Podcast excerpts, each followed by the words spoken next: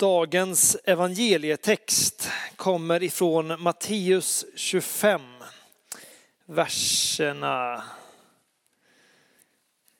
31 till och med 46. Det står så här. När Människosonen kommer i sin härlighet och alla änglar med honom, då skall han sätta sig på sin härlighetstron och alla folk skall samlas inför honom och han skall skilja dem ifrån varandra, som en herde skiljer fåren från getterna. Och fåren skall han ställa på sin högra sida och getterna på den vänstra. Då skall konungen säga till dem som står på hans högra sida, kom ni, ni mina faders välsignade och ta i besittning det rike som stått färdigt åt er från världens begynnelse. Ty jag var hungrig och ni gav mig att äta. Jag var törstig och ni gav mig att dricka. Jag var främling och ni tog emot mig. Jag var naken och ni klädde mig. Jag var sjuk och ni besökte mig. Jag var i fängelse och ni kom till mig. Då skall de rättfärdiga svara honom, Herre, när såg vi dig hungrig och gav dig att äta, eller törstig och gav dig att dricka? Och när såg vi dig vara främling och tog emot dig, eller naken och klädde dig? Och när såg vi dig sjuk eller i fängelse och kom till dig?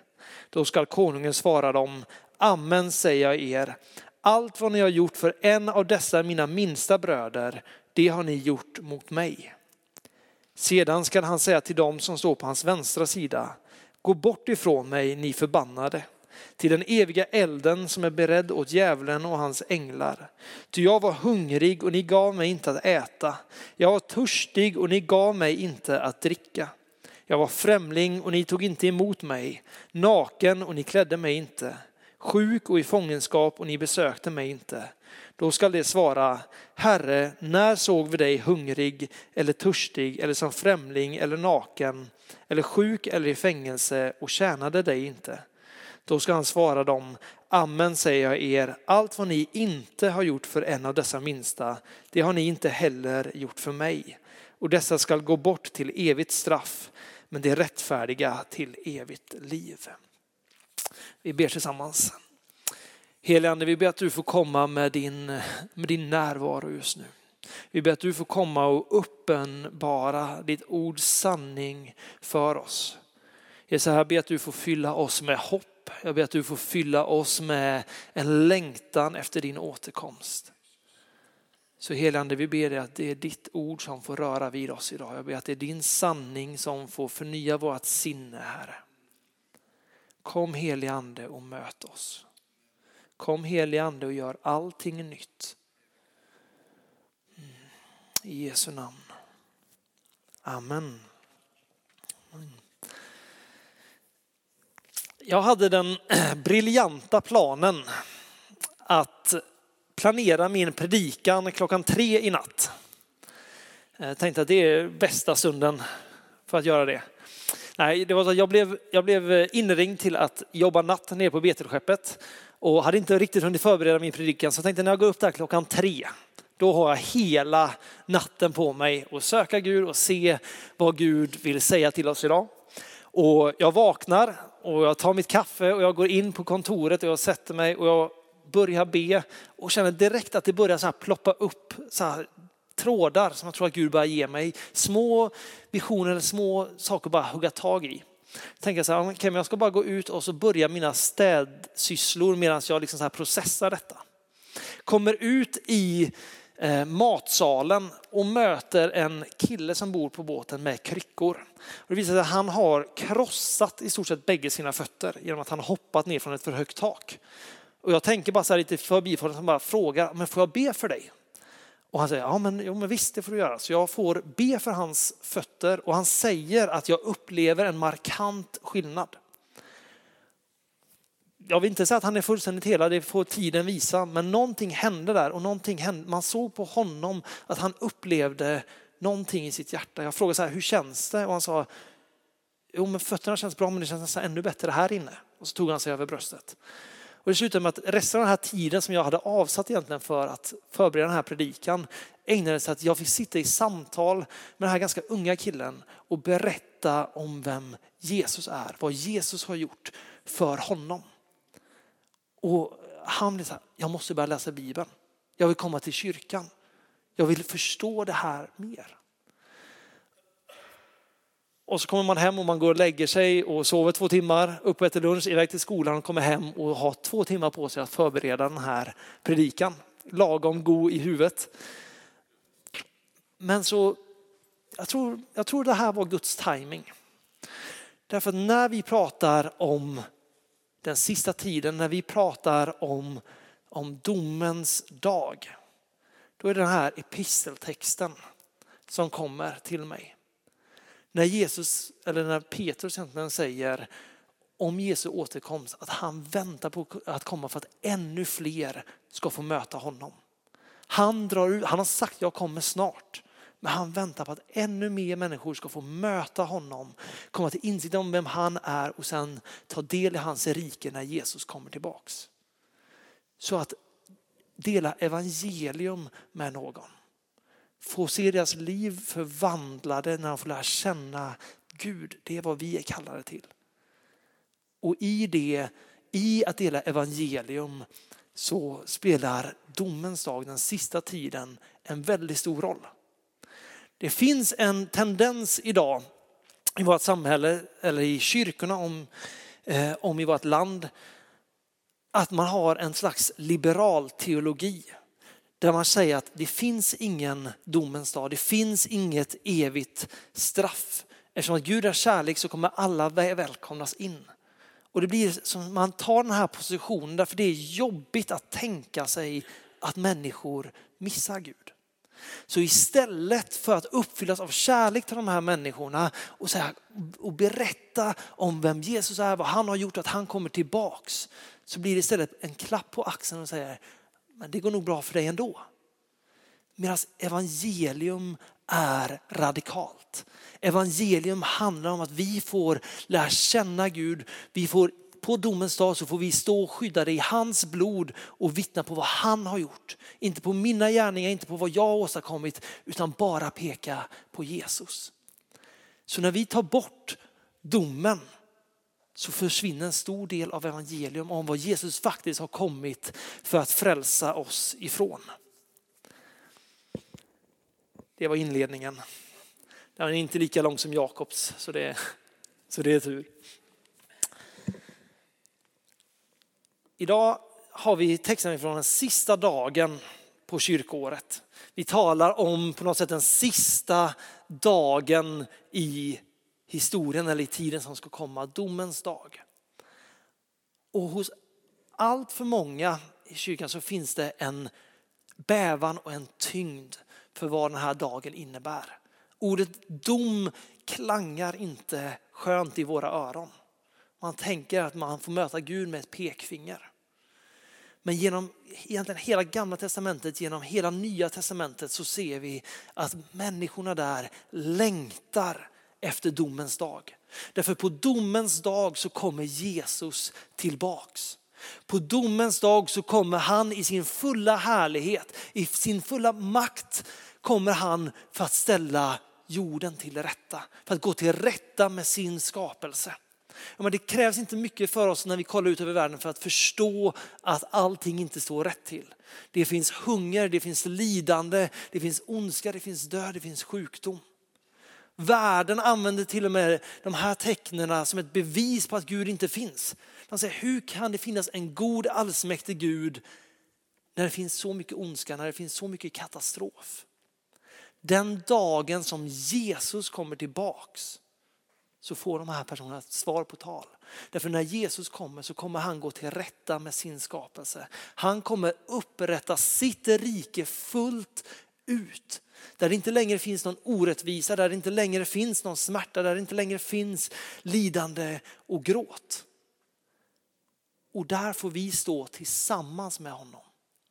Därför Bibeln är tydlig att om vi tar emot honom så på domens dag så kommer vi inte att bli fördömda. Romarbrevet 8, 1, Romarbrevet 8 vers 1 säger det finns ingen fördömelse för de som är i Kristus Jesus. Om vi tar emot Jesus så på domens dag så kommer vi bli välkomnade in i hans rike. Det är en glädjens dag. Det är någonting som måste fylla oss med hopp därför att han som vi bekänner som Herre, han som vi vet är allt igenom god, han kommer tillbaks. Det är vårt hopp. Det är det vi går och väntar på. Vi ser det här hos, hos Paulus till exempel. Paulus levde i ett tillstånd när han bara går och väntar på att Jesus ska komma tillbaks. Läser vi till exempel eh, Paulus undervisning till, till korintierna så undervisar han att det är bättre för er att inte gifta er. Det är bättre att leva kvar som ni är i det tillståndet nu så att ni kan känna Gud fullt ut därför att Jesus kommer snart tillbaks. Han är så fokuserad på att Jesus återkomst är så nära så han säger lämna allt och kör fullt in. All in på Jesus. Och han säger jag sträcker mig efter, jag jagar efter att vinna segerpriset. Som kommer på domens dag när Jesus kommer tillbaks. Genom hela Bibeln så är det här någonting som, som längtar, som människorna längtar efter. Det står så här i Romarbrevet 8, 18-25. Paulus som säger det. Jag menar att den här tidens lidande inte kan jämföras med den härlighet som ska uppenbaras och bli vår. Själva skapelsen väntar och längtar efter att Guds barn ska uppenbaras. Skapelsen har ju blivit lagd under förgängelsen, inte av egen vilja utan genom honom som lade den där under. Ändå finns det hopp om att även skapelsen ska befrias från sitt slaveri under förgängelsen och nå fram till Guds barns härliga frihet. Vi vet att hela skapelsen gemensamt fortfarande suckar och våndas. Och inte bara den utan också vi som har fått anden som förstlingsfrukt. Suckar inom oss och väntar på barnaskapet, vår kropps förlossning. I hoppet är vi frälsta. Men ett hopp som man ser uppfyllt är inte längre något hopp. Vem hoppas på det han redan ser? Men om vi hoppas på det vi inte ser så väntar vi uthålligt. Hela skapelsen väntar på den dagen då Jesus kommer för att upprätta sitt rike. Då Guds barn fullt ut får träda ut som vi är skapade till att vara. Vi brukar tala om att vi lever i en tid som är redan nu och ännu inte. Redan nu så ser vi delar av Guds rike, vi ser delar av hans godhet bryta igenom, frälsa, hela, upprätta och befria människor. Och samtidigt så finns det så mycket i vår värld som vi ser att det inte fullständigt bryter ut. Vi ser människor som fortfarande är sjuka, människor som fortfarande svälter. Även om vi ber så ser vi inte alltid att det bryter ut igenom fullständigt. Redan nu är Guds rike här, redan nu ser vi sanningen om Guds rike. Men vi vet att det kommer en dag när hans rike kommer till fullo. Den här dagen bör vi längta efter. Den här dagen när vi får se Gud fullt ut. Det är det som vi är skapade för. Det är det som är vårt evighetshopp. Jag tror det var Lovisa som predikade om det för bara ett par veckor sedan. Evighetshoppet, det som driver oss framåt. Vetskapen om att Jesus inte bara levde och nu finns med oss som vi kan se honom lite då och då eller känna igen hans närvaro lite då och då. Utan när Jesus har sagt att han kommer tillbaks så innebär det att han faktiskt kommer tillbaks med all sin makt, all sin härlighet. Vi läser det i dagens evangelietext att han kommer och sätter sig med hela him, eh, änglaskaran, sätter han sig på härlighetens tron. Och så står det att han ska samla folket framför sig. Han ska skilja jätterna från fåren. Och jag läste en kommentar kring det här. Eh, och jag och Lovisa hade en, en diskussion om det här igår som som stannar med mig på något sätt. I, så som den här kommentaren beskrev den här bilden så sa de att när vi tänker oss getter och får så finns det en väldigt tydlig skillnad. Det finns en väldigt markant, fåren är vita och fluffiga, getterna är oftast brunspräckliga, lite gråa och helt annan päls så det är lätt att åtskilja. Kollar man på, på fårjorden som, eller som fanns på Jesu tid så var det väldigt svårt att se skillnad på, en, på ett får och en get. Men Gud säger att jag ska själv gå in och skilja de här åt. Jag ska noggrant gå in och avgöra rätt och fel. Jag, det är hos Gud som den domen ligger. Att han ska gå in och avgöra vem som får vara i hans närhet och inte. Men vi vet att genom att vi bekänner honom som Herre så har vi del i hans rike. Men domen är hans. Det är inte på mig det ansvaret ligger. Och det som blir spännande i det, det är lite det här vad, hur det här påverkar oss idag. Därför när vi ser vad Jesus predikar, vad, vad eh, de som skrivit episteltexterna, eh, vad de beskriver, så är ett lärjungaliv är ett radikalt liv. Jesus kommer att säga att Guds rike är nu här. Jesus säger att ni är, ni är en del av Guds rike. Jag tror det är Paulus som beskriver oss som ambassadörer för Guds rike. Det innebär att redan nu när Guds rike är här så ska vi leva som om Guds hela, eh, hela rikets fullhet är här. Vi ska leva Guds rikes liv. För kollar vi på den här texten som vi läser i Matteus evangeliet så ser vi att det Jesus faktiskt skiljer mellan dem åt i den här liknelsen eller i den här berättelsen. Det han säger att så som ni har behandlat andra människor. Ni har tjänat människor, ni har besökt de som är sjuka, ni har hälsat på de som är i fängelse. På grund av att ni har gjort detta mot den lille så har ni gjort det mot mig. Och de som döms bort, de säger ni har inte besökt de här. På något sätt blir det, det här blir lite jobbigt för oss. Därför att helt plötsligt handlar det faktiskt om vad vi gör. Det handlar om hur vi lever våra liv. Och det är så här, jag är helt övertygad om att när vi läser Bibeln så handlar det om att vi måste tolka bibeltexterna genom bibeltexterna. Vår frälsning ligger i om vi bekänner Jesus eller inte. Bibeln är tydlig med det. Men att leva ett Guds rikes liv, det är någonting som syns. Det är, det är praktiska handlingar.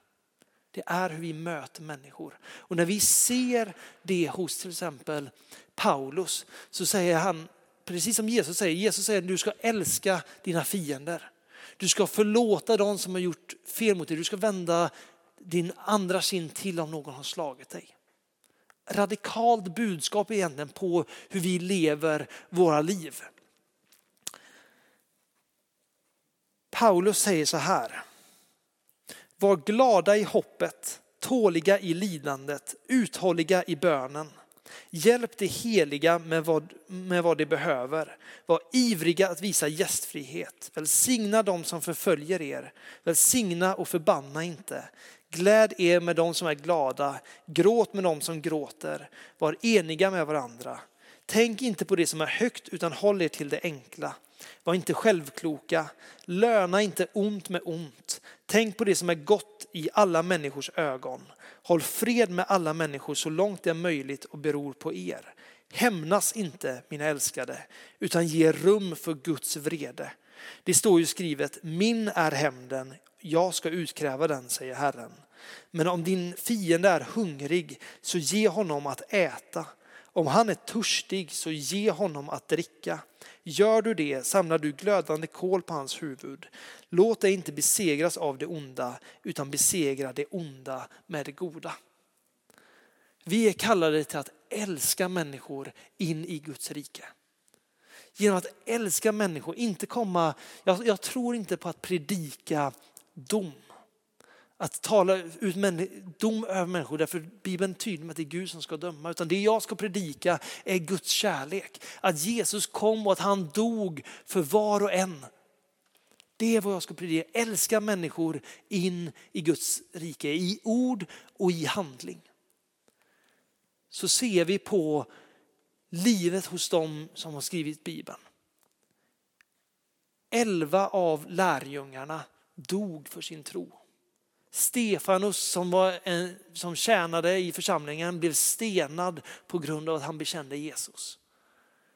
Paulus säger det att älska era fiender. Älska de som hatar er. Löna inte eh, ont med ont. Därför när vi uthålligt älskar människor så vet vi att på domens dag så är det Gud som avgör. Vi kan tjäna fullt ut därför vi vet att det inte är min sak att kräva rätten här och nu.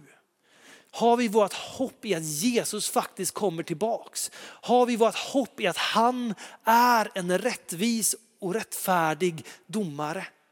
Så kan vi kolla över hela världen, vi kan se all ondska, vi kan gråta med de som gråter, sörja med de som sörjer. Men vi vet att Gud kommer tillbaks och dömer. Så jag fullt ut kan älska. Jag fullt ut kan ge vad jag har därför att det är Guds dom. Han kommer tillbaks, han avgör.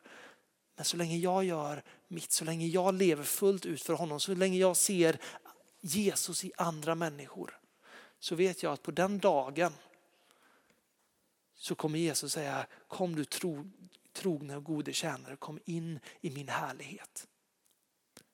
Därför att vi tjänar honom när vi tjänar andra människor.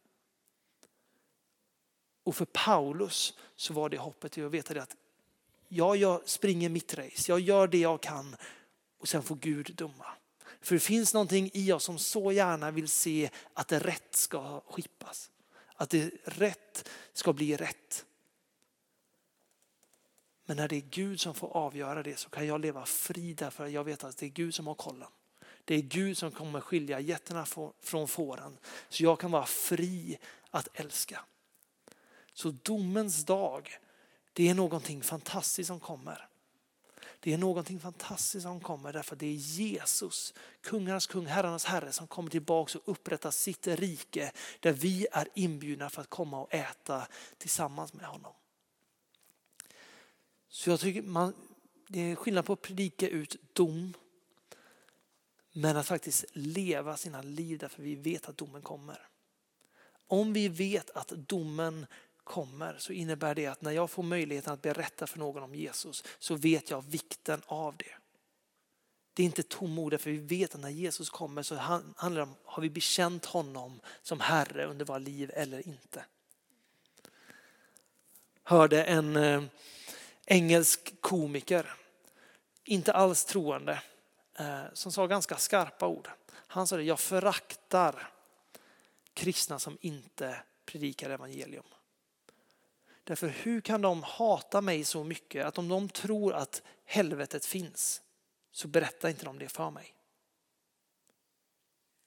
Det är, ganska hårda ord. Men det är sant. Om vi vet att domens dag kommer, hur mycket mer ska inte vi då kämpa allt vi kan för att människor ska få uppleva honom så att de får komma in i hans härlighet. Vi ser det här hos Jesus när han hänger på korset. Han säger Fader förlåt dem för de vet inte vad de gör. Stefanus säger samma sak när, när han stenas. Han säger Fader förlåt dem för de vet inte vad de gör.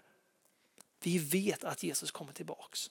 För om inte Jesus kommer tillbaks så är allt det vi gör här meningslöst. Men om Jesus kommer tillbaks, vad vi har gjort med våra liv spelar då roll. Så att jag får leva fullt ut för Gud här och nu. Men också leva fullt ut för att min nästa, vare sig det är personer jag träffar på gatan, om det är personer jag träffar på Hemköp, i skolan, på jobbet, eh, min granne, vem det än är, att de får möta Jesus. För när domens dag kommer, då är tiden slut. Jesus väntar med att komma för att fler människor ska få möta honom.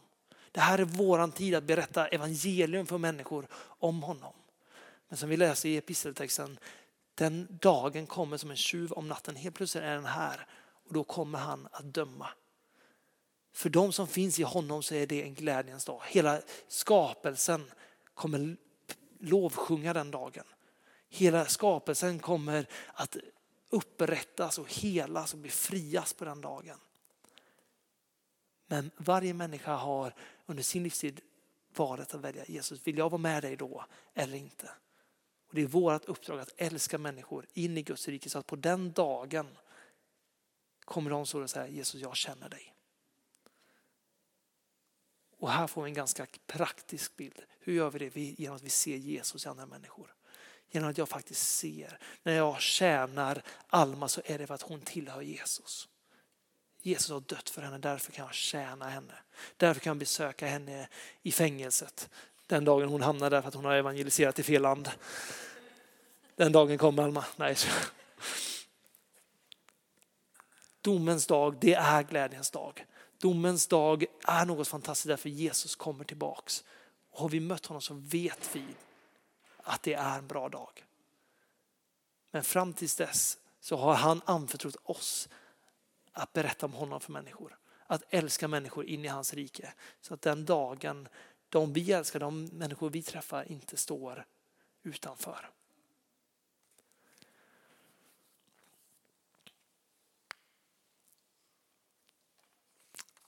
Vi nöjer oss här tror jag. Vi ber. Jesus, jag ber att du får komma med, med din glädje just nu. Herre, jag ber att du får komma med ditt hopp här. Jag tackar dig för att det kommer en dag Jesus. Jag tackar dig för att den dagen kommer snart Jesus, här, när du kommer tillbaks. Jesus, jag ber att du i var och en får skapa en längtan över att få se ditt rike fullt utbrett Jesus. När din vilja får ske ständigt Herre. När kampen i våra hjärtan är slut Herre och vi får stå inför din tron. Jesus, skapa en längtan och ett hopp i oss inför den dagen. Men här jag bara ber dig också att du får fylla oss med kärlek, med medlidande Jesus till de som ännu inte känner dig Herre. Att du får fylla oss med en passion och en iver för de som ännu inte känner dig. Så att vi får vara ditt ljus för människorna i den här världen Herre. Men Herre jag ber dig att du just nu får komma med barnaskapets ande. Jag ber att du får befästa i oss var och en här att vi tillhör dig. Jesus, jag tackar dig för att det inte finns någon fruktan i kärleken. Så Jesus, jag bara ber att du får komma med, med din ande fullt ut. Mm. Herre, väck evighetshoppet i oss. Låt det inte bara vara någonting som eh, som vi har kunskap om men som vi faktiskt inte lever för här utan fäst vår blick, vår blick på segerpriset i dig Herre. Mm. I Jesu namn. Amen. Vi gör så att vi ställer oss upp och så proklamerar vi våran tro. Vi tror på Gud Fader allsmäktig, himmelens och jordens skapare vi tror och på Jesus Kristus, hans enfödde son, vår Herre, vilken är avlad av den helige Ande, född av jungfrun Maria, pinad under Pontius Pilatus, korsfäst, död och begraven, nederstigen till dödsriket, på tredje dagen uppstånden igen ifrån de döda, uppstigen till himmelen, sittande på allsmäktig Gud faders högra sida, därifrån igenkommande till att döma levande och döda. Vi tror och på den helige ande, en helig allmännelig kyrka, det heliga samfund, syndernas förlåtelse, det dödas uppståndelse och ett evigt liv. Amen.